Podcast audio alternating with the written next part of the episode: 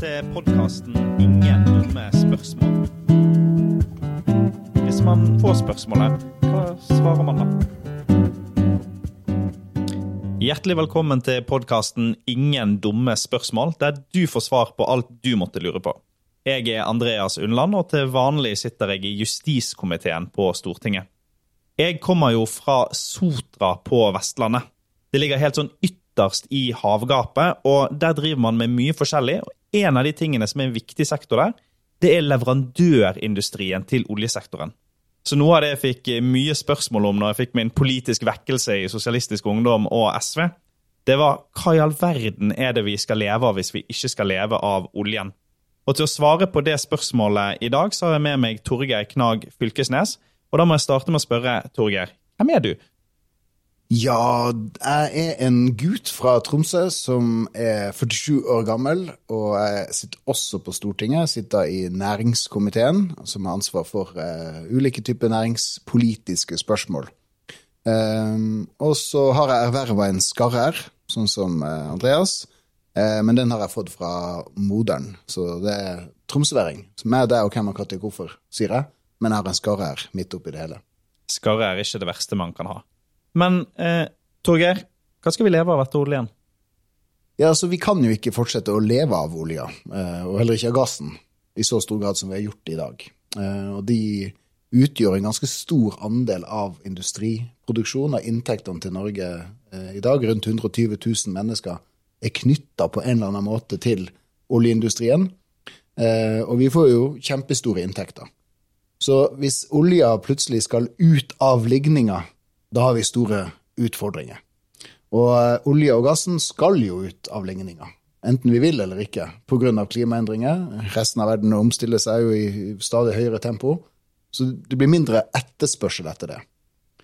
Og eh, da er spørsmålet hvordan skal vi gjøre dette her?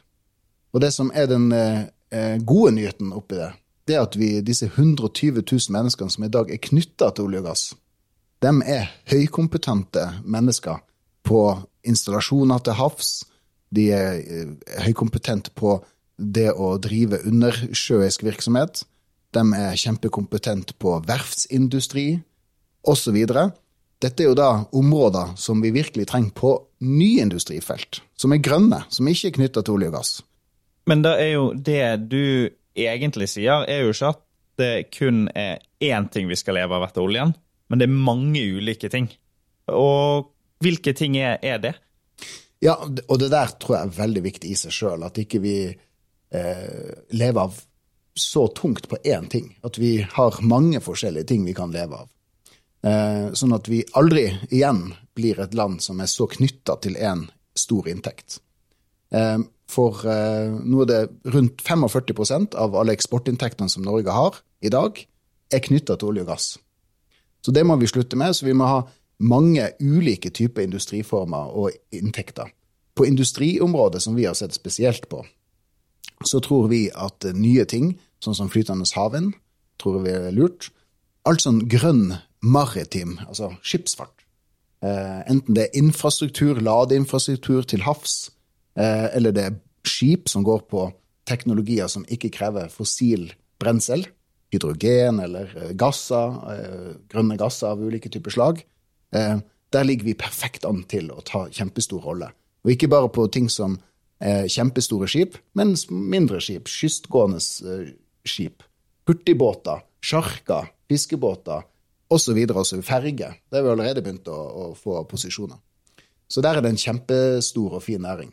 Og så har vi også pekt på eh, karbonfangst og -lagring, eh, hydrogen, batteriproduksjon osv. Jeg tror at hvis vi bare klarer å knekke koden på de store lokomotivene i samfunnet, slutte med fossil avhengighet og gå over i fornybar avhengighet, som er vår plan i SV, da kan vi, da, da kan vi få en veldig spennende fremtid. Nei, Vi må jo rett og slett ha flere bein å stå på. For problemet i dag når oljebeinet er så stort, det er jo at man begynner å gå på skakke og er bort for å falle, egentlig når det er så dominerende.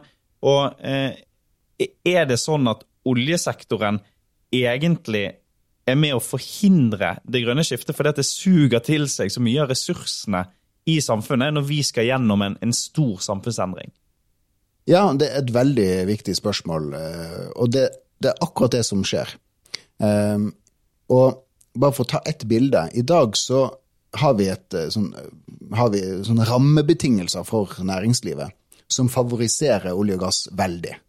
Og det har ført til at rundt eh, et sted mellom 150 og 200 milliarder eh, kroner brukes til å investere i olje hvert år. Eh, Sammenligna med f.eks. For fornybar energi, så investeres det rundt 20 milliarder hvert år på det. Så eh, det er jo bare ett bilde, da, men 200 versus 20 milliarder, det viser liksom hvor skeivt dette her er. Så vi investerer masse på næringslivet i Norge i dag, men det meste går til olje og gass. Og Det betyr at du har fått masse folk og kompetanse og alt som blir knytta til disse miljøene her. Og skal vi få til et grønt skifte, så må man vri dette. Kommer, det er ikke sånn at vi kan tro, vi kan lulle oss inn i en sånn fantasi om at vi skal fortsette med olje og gass, og skal vi også satse på, på fornybar energi og nye industrier osv. osv. Det går bare ikke. Vi har ikke nok kapital, vi har ikke nok folk, vi har ikke nok eh, energi, vi har ikke nok infrastruktur. ikke sant? Vi må velge. Så vi må begynne å velge ned olje og gass, så vi begynner å velge opp eh, det fornybare. Og det her kan ikke skje sånn langsomt og trygt og ta 20-30 år. Det må skje i løpet av de neste åra, hvis vi skal klare å nå våre mål. Jeg syns det du sier der, Torgeir, er et veldig viktig poeng. Og det var noe som vi, eh, når jeg var i lokalpolitikken på Sotra, følte mye på med oljeprisfallet i 2014-2015, var jo at mange av disse samfunnene som har en stor leverandørindustri til oljen, vet jo hva det betyr. For det, når den svinger veldig mye, så mister veldig mye folk jobben.